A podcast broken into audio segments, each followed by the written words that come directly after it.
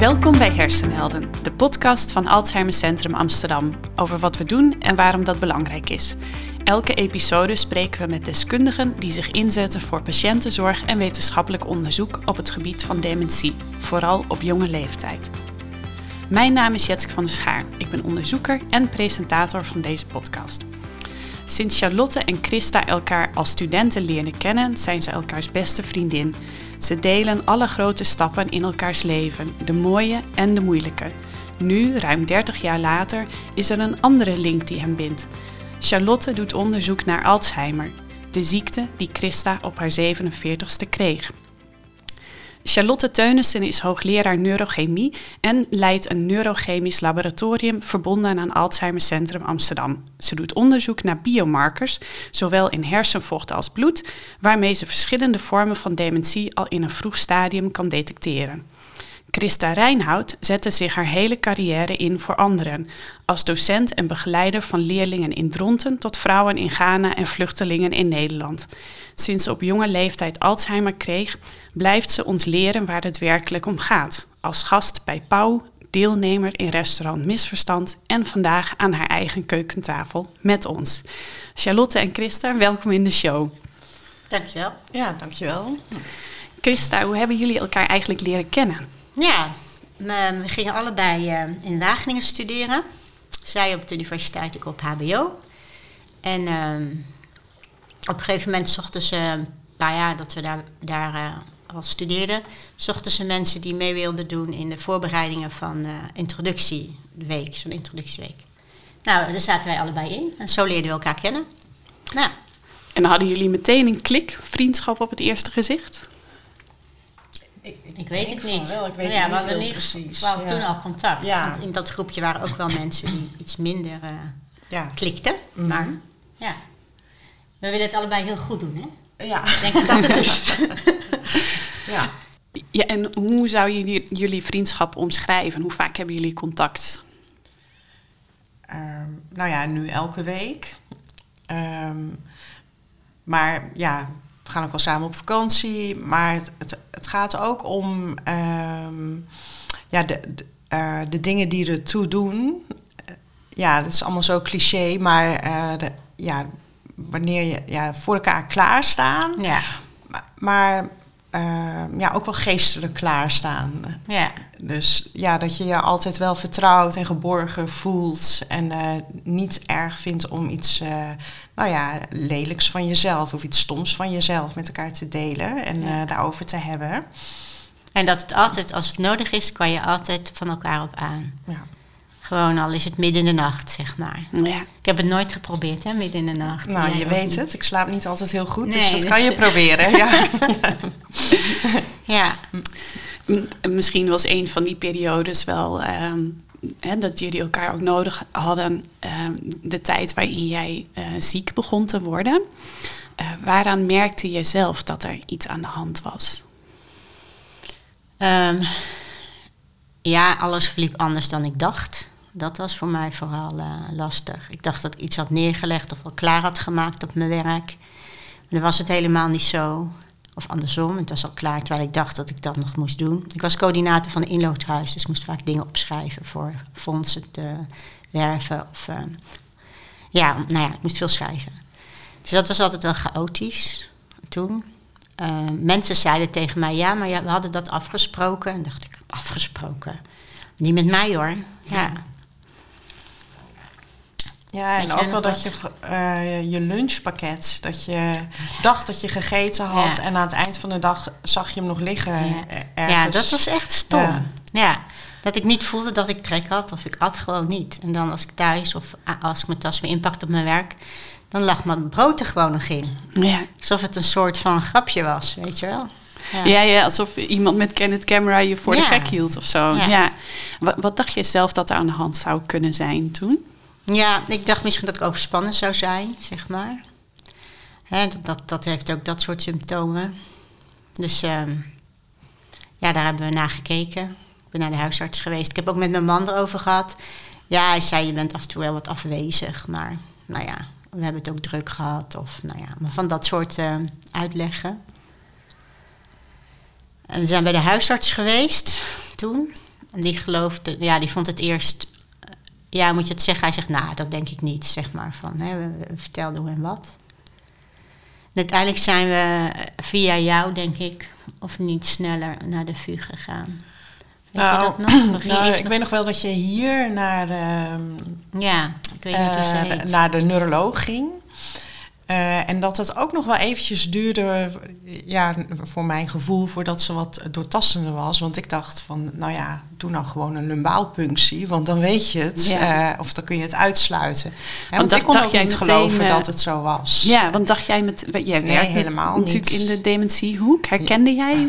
Nou ja, de- ik ben geen klinicus, hè, dus ik kan geen symptomen herkennen. En sowieso is het heel moeilijk. Daarom ontwikkelen we ook van die biomarkertest. Maar ehm, ja, nou, ik kon het me gewoon echt niet voorstellen. ehm, eh, ja, om- omdat Christa zo jong was. Eh, dus ik, ja, ik dacht van, nou ja, de- hetzelfde eigenlijk. Van, eh, nou, jullie hebben een drukke periode gehad. Ja, dat kan best wel zijn dat je overspannen bent of zo. En eh, dat het daar iets mee te maken heeft. Niet dat ik je zo gestrest vond, maar ja, nee.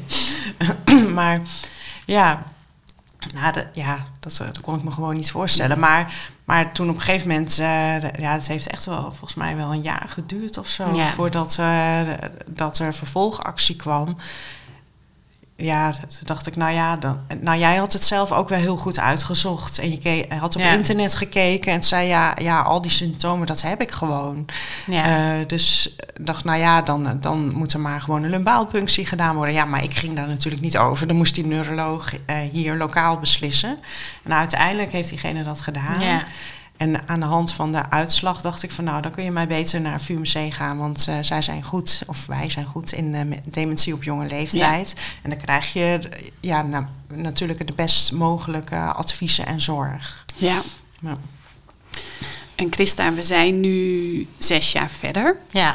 Hoe gaat het nu met je? Ja, ik schat het goed. ik vergeet wel veel dingen. En alleen thuis zijn de hele dag is wel lastig. Dan moet ik steeds controleren of ik gegeten heb, gedronken heb. eh, hoe laat komt wie wanneer terug, weet je wel, dat soort dingen. Dus dat is niet heel handig meer alleen zijn. Ik ga ook naar uh, Liesje. Dat is een groep voor jonge mensen met dementie in de buurt. In, Le- in ehm, het Leusden. alweer? Leusden, ja. Dus dat, dat is wel fijn. Dan eh, hoef je niet overal op te letten. Dan zorgen ze wel voor je. En het is ook wel leuk om lotgenoten te hebben, want het zijn allemaal relatief jonge mensen. Ja, en dan kan je ook eh, grapjes maken. Ja. Dat vind ik wel essentieel, zeg maar, dat je grapjes kan maken. Om te blijven lachen. Als ja. ik soms een grapje maak over mijn Alzheimer in een andere kring, schrikken mensen van dat ik er een grapje van maak. Dus, maar daar niet. En hoe organiseer jij je leven om zo zelfstandig mogelijk te blijven? Ja, ja bijna niet meer. Nee? ik organiseer bijna niet meer. Nee. Maar ik heb die, die, ehm, dat bord. Ja, ik zie, ik, zie zeg hier maar. een, een, een- Ja. een heel mooi bord staan. Ja, ja. dit is de tweede. De eerste was half zo groot en deze is zo groot. En daarop staan ehm, wat ik doe, wat mijn man doet en wat mijn dochter doet, die eh, thuis woont. En die hebben allemaal een kleur. Dus dan hoop ik dat als ik dan thuis ben, dat ik weet wie waar is en wanneer die thuis komt. Want dat is essentieel voor mij. En soms schrijf ik op wat ik heb gegeten. Want ik, ik weet niet zeker of ik heb gegeten bijvoorbeeld. Dat kan ik niet zo goed voelen. Dus dan hoop ik dat ik het erop schrijf. Die andere dingen, ik weet niet, als ik dingen moet onthouden, schrijf ik daarop. Ja, Ja, dus je legt eigenlijk heel veel vast. Als Ja. geheugensteuntje. ja maar eigenlijk kan Ja. dat niet meer hoor. Dus ik, ik doe het wel. Maar dan moet ik dus niet vergeten, dat is het hele issue steeds, dat je niet moet vergeten. Dus ik moet niet vergeten om op het bord te kijken Oh, bijvoorbeeld. ja. Ja. Ja. Dat niet vergeten, dat is de kern, zeg maar. Maar dat, ja, dat gaat niet lukken natuurlijk. Ik vergeet heel vaak dingen. Ja. Charlotte, eh, je noemde het- net al even hè, over het diagnostische proces. Eh, en je liet eh, de term biomarkers ook vallen. Eerst even terug naar wat je toen ook zei: dat de diagnose bij Christa is gesteld mede op basis van een lumbaalpunctie. Wat houdt dat precies in? Nou, lumbaalpunctie betekent dat eh, hersenvocht afgenomen wordt. En dat gebeurt ehm, ja, onderin de rug. Eh, tussen de wervels, als je, dat, als je een beetje krom gaat liggen, dan eh, ja, kan dat pijnloos. En, eh, en daar kunnen wij allerlei eiwitten, dus stoffen in meten, die het zeggen over de ziekte. of de afwezigheid van ziekte, dat hoop je dan vaak. En, ehm, en bij Alzheimer is het zo bijzonder dat we de eiwitten uh, waarvan we weten dat ze zo'n belangrijke rol spelen bij Alzheimer. Dat ze neerslaan in de hersenen van iemand met Alzheimer. Uh, dat we die eiwitten ook in het hersenvocht kunnen meten. En die zijn afwijkend bij iemand met de ziekte van Alzheimer. En, en er zijn er nu ook nieuwe ontwikkelingen. Dus we hebben niet meer een, de, het onderzoek in hersenvocht nodig. Maar we zijn heel hard aan het werken aan onderzoek in bloed. En bloed kun je natuurlijk veel makkelijker afnemen dan hersenvocht. Uh, dus ja, dat is gewoon een revolutie in het veld. En precies die Alzheimer-eiwitten die we in hersenvocht konden meten, dat konden we al, die kunnen we nu ook in bloed meten. En dat zegt iets over de ziekte. Daar zijn we natuurlijk nog wel mee bezig. Uh, hoe goed is dat? En uh, ja, wanneer kun je dat dan? Uh, wanneer is het goed om dat te meten? Doe je dat wat later in de ziekte of vroeger in de ziekte? En hoe precies is dat allemaal? Um, maar ja, dat, dat gaat er gewoon aankomen. Uh, vooral ook omdat het zo makkelijk is om bloed af te nemen. En, en die tests zijn verbazingwekkend goed. Ja. ja.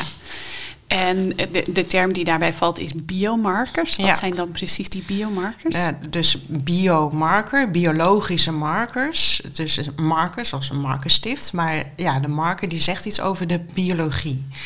Dus ja, dat is zo'n stof. Dus dat kan het amyloïd-eiwit zijn of het tau-eiwit. Uh, dat is dan een biomarker. Maar je kan ook een, een opname maken met een hersenscan. En dan zie je ook wat er is met de biologie in iemands uh, zijn hoofd. En, uh, en dat is ook een biomarker. Dus het is een vrij breed begrip. Maar waar wij naar kijken zijn biomarkers in lichaamsvloeistoffen. Dat is dan mijn specialiteit. En lichaamsvloeistoffen zoals hersenvocht als en bloed. Ja, dus je kan eigenlijk uh, door die stoffen in het hersenvocht en bloed te meten, kun jij nagaan wat er in de hersenen gebeurt. Ja. ja. ja. En een van de voordelen is dus dat je het makkelijker kan meten. Dus ja. dat je niet die, die lumbaalpunctie hoeft te doen, maar ook in het bloed. Uh, maar ook dat je het eerder al kan detecteren. Hè? Ja, juist omdat je het makkelijker kan meten, kun je het uh, ja, kun je eerder gaan testen. Um, ja, hoe vroeg, dat, dat weten we nog niet. En het is natuurlijk ook de vraag, hoe vroeg wil je het weten? Want kan je er ook iets mee? Um, maar ja, uh, het, eigenlijk zien we die veranderingen al even vroeg als in het hersenvocht. Um, en, uh, en we weten uit onderzoek, vooral naar mensen die uh, familiaire Alzheimer hebben, dus waarbij Alzheimer echt een dominante gen, of door een dominant gen veroorzaakt wordt, um, ja, weten we dat de ziekteprocessen al ongeveer 20 jaar voordat wij die symptomen uh, zien, beginnen die processen zich al te ontwikkelen. Dus ja, dus je hebt, uh, nou, twintig jaar eerder kunnen we dan nog niet meten, maar uh, wel vijf of tien jaar. En, dan is het natuurlijk de vraag of je, of je dat wil weten. Nou, nu zijn er medicijnen in ontwikkeling. Als die uh, breed inzetbaar zijn, dan heeft het wel zin om het op tijd te weten. Want bij hersenen is het zo, wat weg is, is weg. Dus je wil zo vroeg mogelijk ingrijpen. En dat is natuurlijk fantastisch als je dat met een bloedtest kan doen. Want ja, dan kan je nog eens een keertje herhalen om, om te kijken of je het echt goed gemeten hebt. Uh, je, kan nog wat andere stoffen erin meten. Dan proberen wij ook om een betere voorspelling te kunnen doen van wanneer komen die symptomen dan. Dus ja. Ja, dus je kan eigenlijk al, wat jij zei, het vijf of tien jaar voordat iemand klachten krijgt, al zien dat ja, ja dan zijn die afwijkingen, afwijken. Ja, dan zijn die biomarkers ja. al afwijkend. Ja, dat de ja. ziekte aanwezig is en dat die klachten gaan komen. Ja. ja. Want je hebt wel eens gezegd, um, uh, als je klachten hebt, dan ben je te laat.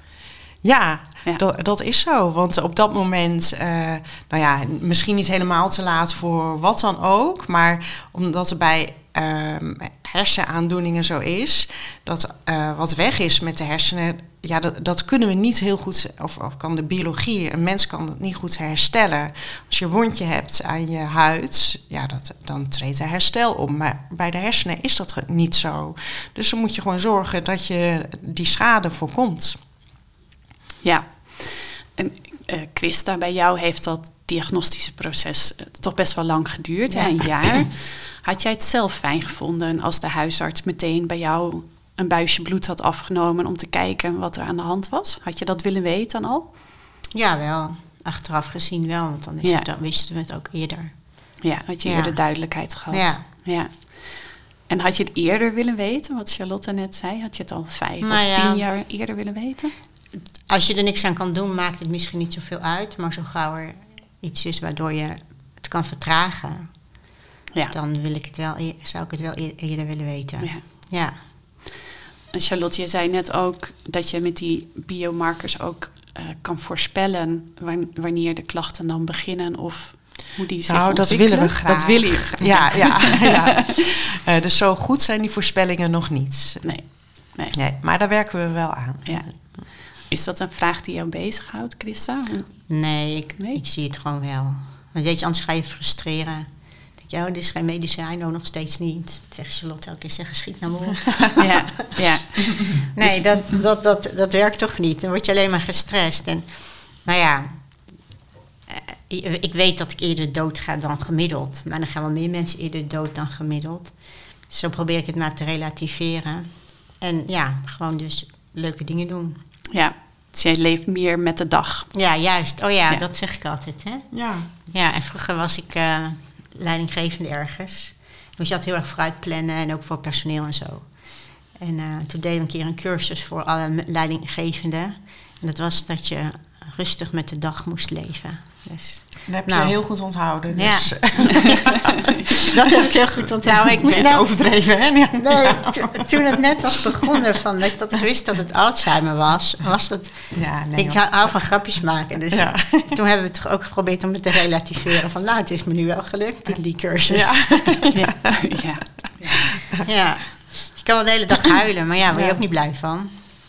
Het is gewoon heel stom dat ik die ziekte heb. En weet je, ik, ik denk, nou, misschien word ik nooit oma, want die kinderen van mij eh, gaan nog niet meteen kinderen krijgen als ze dat al krijgen. Weet je wel, zo ga je allemaal dingen denken wat je, waar je soms over nadenkt. Van nou, als ik later zo groot, zo oud ben, of nou ja, als ik niet meer werk, dan kan ik misschien dit en dit doen. Ja, ik werk niet meer, maar ik kan dit en dit ook niet meer doen. Ja, en dat is gewoon vervelend. Maar ja, ik heb besloten dat als je blij bent, dat leven leuker is dan als je niet blij bent.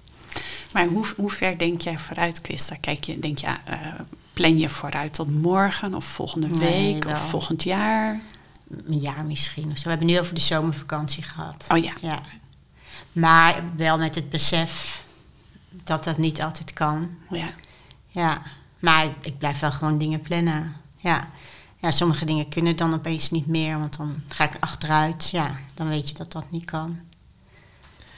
Nou, wat ik ook wel bijzonder vind eh, aan jou, Ja. eh, dat je ook he- heel erg mee bezig bent eh, met hoe het dan straks of later moet als het slechter gaat. Dus dat je Ja. wel heel graag ook wel de regie wilt houden van, ja, zou ik dan in de Licherdinenhof willen Ja. blijven of, of moet, wil ik liever naar iets anders? ja. En dat je daar werk van maakt. Dat hebben we afgelopen weken gedaan ook, hè? Edwin en ik. Ja? Ja, ik wou het opeens heel graag weten. Bij mij op de groep gingen mensen door van de dagbehandeling naar permanent wonen in de Listinov. Listinov is blijkbaar een van de weinige plekken voor jonge mensen.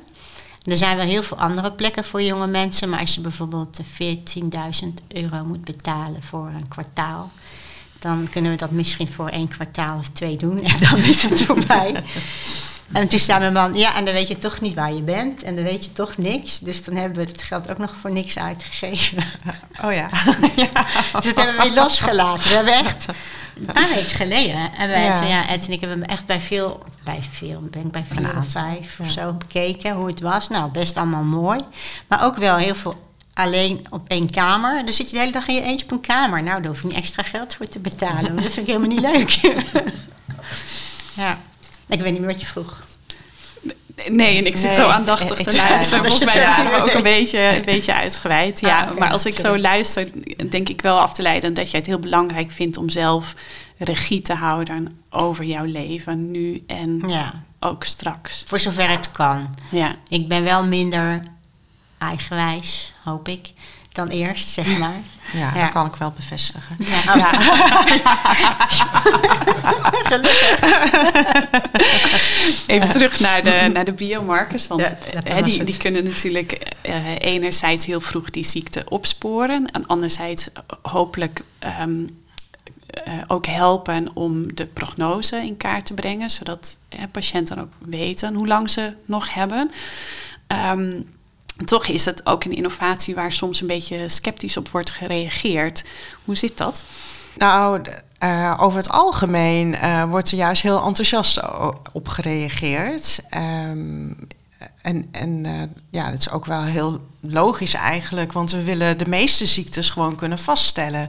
Mensen hebben een probleem ehm, en daar wil je zo goed mogelijk antwoord op geven. En ik ben ervan overtuigd, en, en heel veel andere mensen ook, dat ehm, een ziekte veroorzaakt wordt door een afwijking in de biologie. En eh, dus dan kan je dat het beste vaststellen met zo precies mogelijke diagnostische test daarvoor. En in het verleden zijn eh, ook wel eh, tests gebruikt om het cognitief functioneren, dus eh, het werken van het geheugen, eh, vast te stellen. Maar bleek dat die niet zo heel precies zijn. En, ehm, ehm, en ook niet zo heel erg gevoelig. En dan weet je niet heel precies of het nou Alzheimer is of een andere vorm van dementie.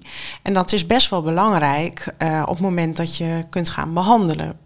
Want als het eh, Alzheimer is, dan heb je bepaalde afwijkingen in, in bepaalde eiwitten in de biologie.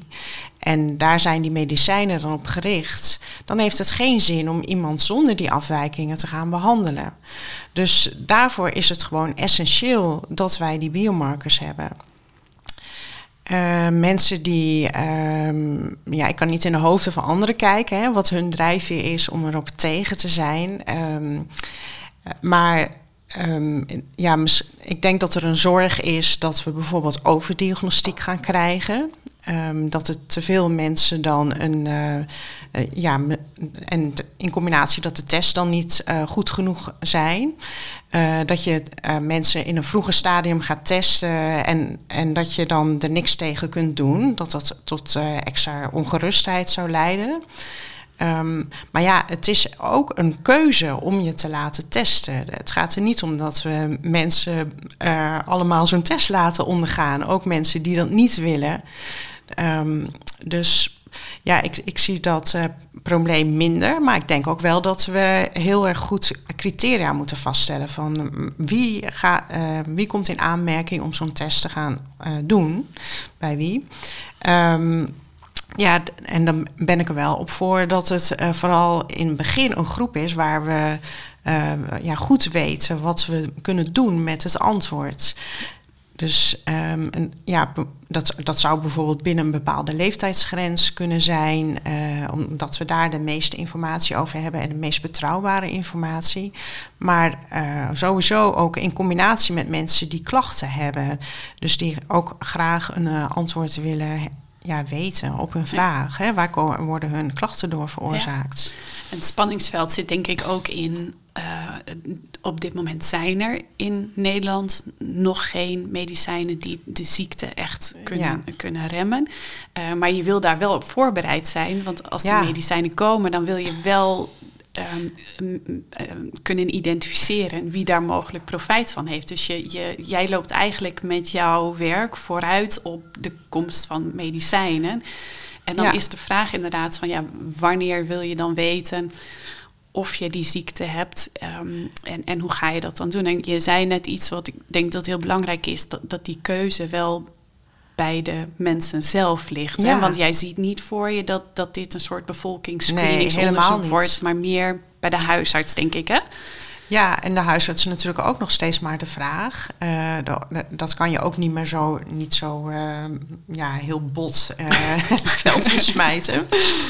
Um, nee, de, de, eerste toepassing zien we toch wel in de geheugenklinieken. En oh, ja. daar is het ook al een groot voordeel dat je niet een uh, lumbaalpunctie hoeft te doen om hersenvocht uh, te verkrijgen, maar dat je het ook met behulp van een bloedtest uh, kan vaststellen.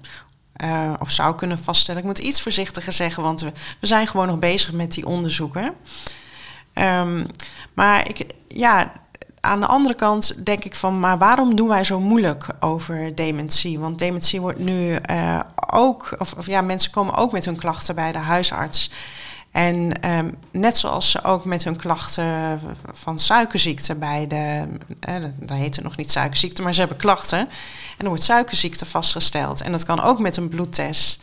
Uh, ja, dan zou het toch mooi zijn als je bij de huisarts die bloedtest kan doen. Al is het alleen maar om uit te sluiten dat het dementie is. Uh, of de ziekte van Alzheimer. Ja. Dus um, ja, ik denk dat we misschien ook wel een beetje moeilijk doen omdat we onbekend zijn met uh, ja, wat dementie is. Ik denk dat het ook wel ondergediagnosticeerd is nu. Um, en, en dat er nog steeds wel een taboe op rust. En, en omdat het nieuw is, ja, uh, ja of nieuw, dat je. Ja, die, die ontwikkelingen zijn zo snel gegaan dat er misschien mensen ook een beetje overdonderd erdoor zijn. En ja, en, en natuurlijk gaan we het echt niet zo bot uh, introduceren. Dat is echt niet de bedoeling. Nee. Je had het net over Alzheimer. Uh, er zijn natuurlijk meer vormen van dementie, zoals bijvoorbeeld frontotemporale dementie. Heb je daar ook al biomarkers voor om die ziekte zo vroeg zo ja, goed dat is het te detecteren? Uh, interessant, hè? want een van die biomarkers die is, um, hè, want het is een panel van meerdere eiwitten die we kunnen meten. En een van die biomarkers is extreem hoog in uh, mensen met frontotemporale dementie. Um, ik wil niet zeggen dat je op basis van alleen die bloedtest dan vast kan stellen dat iemand uh, frontotemporale dementie heeft. Het komt ook niet zo heel vaak voor. Dat is best wel een onbekende vorm van uh, dementie.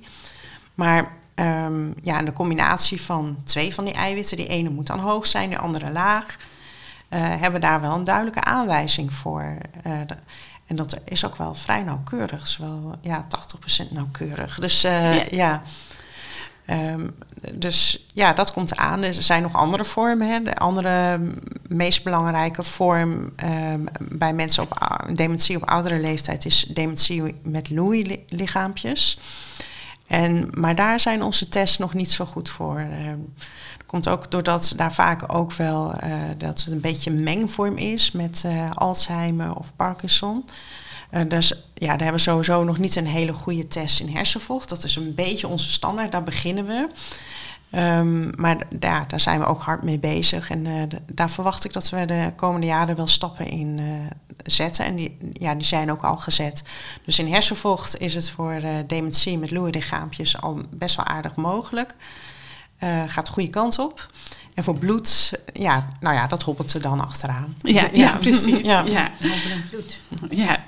Jij, of met de speedboot. Ja. ja. ja. Jij liet net het woord taboe al vallen. Uh, herken jij dat, Christa, dat, dat dementie toch een beetje taboe is?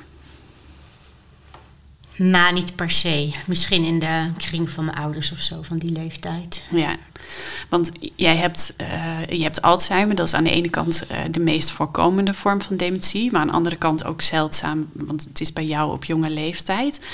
Uh, hoe reageren mensen om jou heen als je, als je ergens moeite mee hebt? Um, het verschilt. Kijk, ik, wat ik doe is als mensen niet weten dat ik Alzheimer heb, zeg ik het gewoon meteen. Of in een winkel of zo, als ik iets zoek. En dan uh, hier in de winkel weten ze natuurlijk dat ik het heb. Als ik in een andere winkel ben, dan is het heel moeilijk om een verkoper mee te krijgen om mij uh, het goede product te geven. Want die geloven het niet, zeg maar. Of, dus, nou, ze, vinden het, ze hebben het gevoel misschien dat ze voor de gek worden gehouden, laat ja? ik het zo zeggen. Ja. Ja. merk je toch dat er nog best wat onbekendheid is over. Ja. Ik zie er niet uit als iemand met dementie. Daar loop ik steeds tegenaan. Wij hebben dat ook wel eens gedaan, hè? Of hebben we dat al verteld? Of heb ik dat niet met jou gedaan? Nee, niet met mij, nee, met, Saskia. Met Saskia. Ja. Ik doe praatjes met Saskia. En dan staan we aan het begin op het podium. En dan zeggen we altijd tegelijk wie van ons twee heeft Alzheimer. Nou, nu, nu, kennen heel veel mensen mij ondertussen al. Dus ja, het is wel een beetje bekendheid geworden. Maar dat is toch wel een beetje het grapje aan het begin, dat je het niet kan zien. Ja. ja je, hebt eh, best wel, je, je, bent best wel open over je ziekte. Je mm -hmm. geeft ook veel bekendheid aan in uh, talkshows. Ik zei het net al aan het begin, hè, bij Pauw. Je doet veel uh, presentaties. Je hebt ook meegedaan aan restaurant Misverstand. Ja. wat merk je van al die inspanningen? Denk je dat het effect heeft? Ik hoop het wel. Ik weet niet hoe lang geheugen mensen hebben het algemeen. Je vergeet het gewoon weer. Dat kan ook. Ja. Maar zoals hier in de wijk weet iedereen bijna wel, denk ik. Maar er zijn ook wel veel mensen, als je zegt dat je dementie hebt, dat mensen, oh, wat erg, dan helpen ze je meteen. Of ze slaan dicht. Want ja, ik, ik weet niet. Ik, ja, ik zeg steeds, ik zie er niet uit als iemand met dementie blijkbaar of zo. Ik weet niet wat het is, maar dan slaan ze dicht, ja. Ja. Toen ik je net, uh, voordat we begonnen sprak, zei je ook dat mensen soms met zo'n toontje tegen Ja. je gaan praten. Ja. hè? Oh. ja. Ja. Ja, dat vind ik heel vervelend.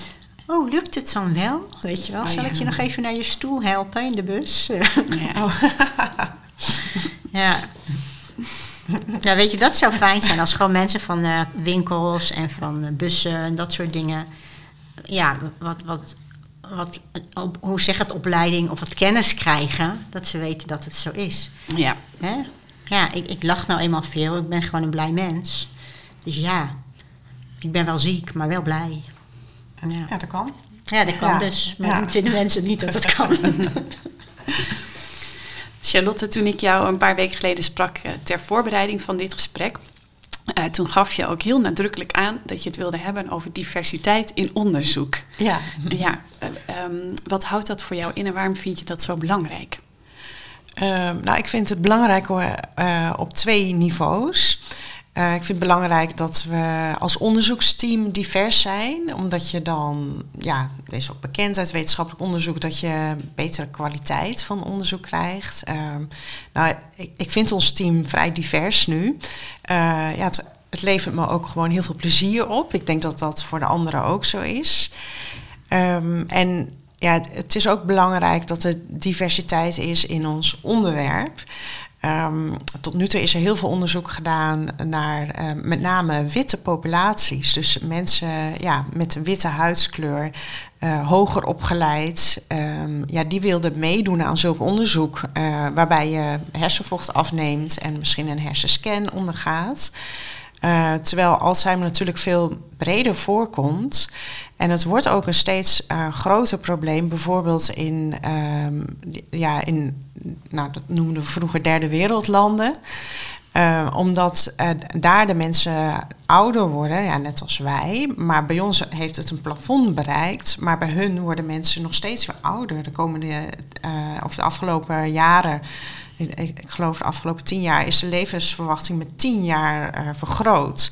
En als je dan ook een betere kwaliteit van leven hebt, eh, kun je uitrekenen dat er veel meer mensen dan zijn die uiteindelijk eh, dementie gaan krijgen. En nu we dan die bloedtest hebben, ja, wordt het ook allemaal beter beschikbaar.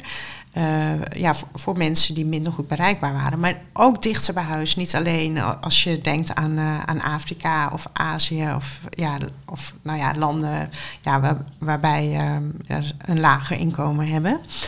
Ehm, maar bijvoorbeeld ook in, in Nederland is eh, dementie de- eh, bij migrantenpopulaties veel meer een taboe. En als je een bloedtest hebt, dan kan je, of, of een andere test, maar met, waarmee je objectief vast kan stellen dat iemand echt iets, een, een ziekte heeft van de hersenen, ja, dat zou taboe doorbrekend kunnen zijn. En waardoor er eerder hulp ingeschakeld kan worden en niet wanneer er al een crisissituatie is ontstaan. Dus ik vind het heel belangrijk dat we nu daar ons best voor doen om ook ehm, ja, groepen mensen in de samenleving, dus iedereen, eh, gaan bereiken in ons onderzoek, zodat iedereen daar profijt van kan hebben. Ja. Je vertelde eh, toen we elkaar eerder spraken ook volgens mij eh, over St. Louis, dat je daar was eh, op bezoek bij een onderzoeksinstituut en dat je zei de, mensen op straat waren allemaal zwart, maar toen ik daar Ja. in een zaal was waar je een lezing gaf dat iedereen wit was of, Ja. of iets van die strekking. Ja. Ja, dat is natuurlijk zo. En dat is natuurlijk hier ook. En ja, de, de, de samenleving is veel gemengder dan waar onderzoek naar gedaan wordt. Dus ik vind het wel mijn plicht om ook ja, voor, eh, iets te kunnen doen voor iedereen. En niet alleen voor de, ja, de hoger opgeleide Ja, witte man zelfs vaak. Ja, ja. Ja, en wa- wat kun jij zelf concreet doen om iets tegen die ongelijkheid? Ehm, nou, ehm, het- ik neem nu deel aan een eh, expertgroep van de World Health Organization. En die zijn ook heel erg gericht op eh, juist het vormen van beleid en, en in dit geval de toepassing van de bloedtest. Eh, hoe zou je dat moeten vormgeven in de landen ja, met lagere en middeninkomens? Zo heet het dan bij de WHO. En ehm, ja, uh, ik zal niet zeggen dat ik een voorkeursbeleid voer om uh, meer mensen uh, ja, van kleur aan te stellen. Maar um, ik, ik, ben wel blij als mensen zich melden bij mij. En, en dan kijk ik natuurlijk in eerste plaats naar kwaliteit. dan denk ik van ja, dat is goed voor de diversiteit in onze groep. En wat ik nu ook doe, is samen met een Afrikaanse onderzoeker uit Congo. Heb ik een onderzoeksproject waarbij hij ja, ook graag de bloedbiomarkers wil meten in zijn geheugenpolie in, in, in Congo. Ehm, maar ja, toen liepen we er tegenaan dat de transportkosten, of hij wilde het dan bij ons laten meten. En hij dacht, nou ja, voor dat onderzoek is dat uh, wel mogelijk. Maar die transportkosten zijn zo hoog. En toen dacht ik, ja, als je dit duurzaam wil inzetten en dan gaat het uiteindelijk naartoe, moet je gewoon zorgen dat uh, die apparatuur ook in Congo aanwezig is. Uh, dus toen, ja, om, omdat ik ja, met, met heel veel bedrijven uh, samenwerkingen heb, uh, juist die diagnostische bedrijven, uh, ben ik bij ze allemaal gaan vragen van, nou, wat zijn jullie plannen? gaan jullie naar Afrika of niet? En, en hoe, hoe is dat te regelen? Want ja, je kunt wel apparaten naartoe sturen, maar je hebt gewoon ook een servicemonteur nodig gewoon, oh, ja. als er iets mis is. En ze moeten ook gewoon ja, op een andere manier service kunnen verlenen. Dus een bedrijf moet echt een beleid daarop en daarin investeren. En, um, nou ja, en, en er zijn natuurlijk wel centrale laboratoria, in, de, ook in Afrika, voor ja, gewone bloedmetingen die uh, in, in alle labs plaatsvinden. Dus um, dus nu is mijn strategie om te kijken van ja, de, de firma's die uh, sowieso daar al actief zijn in die regio. Het lijkt me het meest logisch dat je dat soort apparatuur of, of, of weer een ander apparaatje zeg maar, van, van hun, maar waar je ook bij de, de Alzheimer bloedmarkers op kunt meten. Uh, ja, dat we het via hun uh, de, hebben de grootste kans dat we dat duurzaam kunnen implementeren. Ja. Dus vind ik heel erg leuk om te doen. Ja, ja. mooi. Ja. ja. En ik hoorde laatst ook dat, uh, om, omdat die bloedtests natuurlijk veel goedkoper zijn dan wat nu ook vaak gedaan wordt, scans, dat het juist ook de ongelijkheid kan verkleinen. omdat, omdat daardoor die diagnostiek beschikbaar komt in. Um, landen met hogere inkomens en middel- of lagere inkomens, inderdaad. Ja, ja. Ja, ja mooi. Um, we stellen uh, deze podcast ook uh, aan onze gasten twee vaste vragen. Uh, en Charlotte, voor jou is de vraag: wat is de meest waardevolle les die je van Christa hebt geleerd? Wow. ja, ja. Um, ja, toch ook wel. Um, ja, uh, in de dag leven. En uh, ondanks uh, nou, akelige dingen die gebeuren, toch het positieve blijven zien en, en inzetten voor anderen. Dank je. En Christa, wat is het belangrijkste, de belangrijkste boodschap die je mee wil geven aan onze luisteraars? Nou, neem mensen altijd serieus. Dat vind ik een belangrijke boodschap want als iemand in eerste instantie niet zo reageert of uh, anders iets vertelt dan dat je verwacht, kijk even of het misschien iemand met dementie is of misschien iemand anders met een probleem. Maar dat vind ik wel uh, heel belangrijk. Ja. ja. Is dat duidelijk of niet wat ik zeg? Ja, ja, ja. ik zag ook eerder voor jou een filmpje waarin je een hele krachtige oproep deed. En toen zei je, behandel mij als mens. Ja. Toen dacht ik, ja, het is zo essentieel. Het is eigenlijk wel schokkend dat je dat er ook bij moet zeggen. Hè? Ja, dat je niet serieus. ziek bent, maar dat je, dat je niet je ziekte bent, zeg maar. Maar dat je een mens bent. Ja. ja. Dat vind ik heel belangrijk. ja. En uh, we zitten eigenlijk al in het andere onderdeel van de podcast, maar ik ga toch nog vragen, want je zei net ook een paar keer dat je um, optimistisch bent en daar zo goed mogelijk mm -hmm. mee omgaat. Uh, maar hoe doe jij dat? Hoe, hoe ja, maar dat is het juist. Probeer... Ik ben het. Het ja. zit in me, ook al zou ik het niet willen. Is dat jouw karakter? niet kunnen, zeg maar. maar ik ben ook wel eens verdrietig en boos hoor, zeker. En dat, dat, dat gebeurt ook dan, dan laat ik het ook gaan. Ja. Maar wat doe je als je een slechte dag hebt of als mensen niet Mensen goed op jou opzoeken reageren? of eh, kijken of ik iets leuks kan doen. Of, eh, of in bed blijven, doe ik ook wel eens. dat kan ook. Nou hoor ik het. Ja, Nu weet je het. Ja. Ah, dat is zo lang toch dat ik goed kan uitslapen. Ja. ja. Maar ik dacht misschien dat je nog een tip hebt om, ja, om er positief mee om te gaan. Ja, dat moet je gewoon doen. Je, je moet Ja. ervoor kiezen om er positief naar te kijken. Als je erop wacht, dan gebeurt het denk ik niet. Nee, Want dan blijf je in die negatieve stand. ja. En geldt dat ook voor, voor de omstanders, de andere mensen, dat ze er positief mee om moeten gaan? Dat mogen ze zelf weten. Kijk, ik vind het wel fijn dat mijn man af en toe wel blij is. Dat is die ook gelukkig. Ja. ja. Ja. Je moet het zelf weten, maar ik vind het zelf persoonlijk fijner als je blij bent in de dag dan dat je altijd boos of zagrijnig bent. Dat gebeurt wel eens, maar dan wil ik dat dat kort is. Ja. Ja. In deze podcast houden we ook elke keer eh, een alternatieve theorie, aanpak of behandeling tegen het licht. En voor jullie heb ik de stelling: als onderzoekers, beleidsmakers en belangenbehartigers nauwer samenwerken met patiënten, hun naasten en de bevolking, zou de vooruitgang veel sneller gaan. Of concreter gezegd, als iedere Charlotte en Christa had, dan zouden we veel sneller kunnen gaan in onderzoek, de zoektocht naar een behandeling. Ehm, ja, er, val- valt van alles over te zeggen. Dat is altijd een beetje lastig. Ehm, bij stellingen. Ehm, maar ja, ik, ik denk het wel. dat- je hebt gewoon een bredere blik, een bredere kijk op het onderzoek. En, en dus- dus zo kom je op nieuwe ideeën of, of wat ook belangrijk in, in het onderzoek is. Zelfs als je labonderzoek doet zoals ik, eh, ja, kan het, is het gewoon heel stimulerend ook. Dus ja, de drive of eh, de motivatie, omdat je weet waar je het voor doet, eh, dat is ook wel heel belangrijk. Dus het, ja, het, het kan je tot nieuwe inzichten brengen en, en de drive verstevigen. Nou, lijkt me een prachtig antwoord. Charlotte en Christa, ik wil jullie enorm bedanken dat we hier vandaag te gast mochten zijn eh, in Amersfoort. Eh, jullie verhaal heeft mij in ieder geval enorm geraakt. En ik vind het heel indrukwekkend hoe jullie er allebei mee omgaan. Op, om ieder op jullie eigen manier eh, ja, meer bekendheid te geven aan de ziekte. taboe tegen te gaan. En ook ja, je in te zetten om de ziekte vroeg te detecteren. En hopelijk prognose ook te, te kunnen geven. Ehm, en op die manier ook ja, zowel het onderzoek als de samenleving vooruit te helpen eh, naar een toekomst waarin er hopelijk eh, meer mogelijk zal zijn. Ehm, dus ik hoop dat jullie nog heel veel mooie momenten samen mogen delen en ook dat jullie onze luisteraars eh, hebben geïnspireerd om ehm, ja, altijd de mens te blijven zien. Eh, altijd serieus te nemen en eh, ja, ook dat mee te nemen in, in ons eigen werk of in ons eigen leven, om ons in te zetten eh, voor de mensen om ons heen. Dus daar wil ik jullie enorm voor bedanken. Nou, dankjewel. Graag gedaan.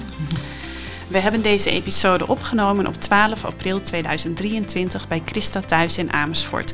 Met dank aan Mark Brouwer die achter de knoppen zit. In de show notes van deze aflevering vind je meer informatie over de onderwerpen waar we over spraken. Wil je meer weten over Alzheimer Centrum Amsterdam? Dan vind je ons op Twitter, Facebook, Instagram en LinkedIn als je zoekt op Alzheimer Centrum Amsterdam. Heb je een vraag of opmerking over deze podcast? Stuur dan een mail naar hersenhelden.amsterdamumc.nl. Tot de volgende keer.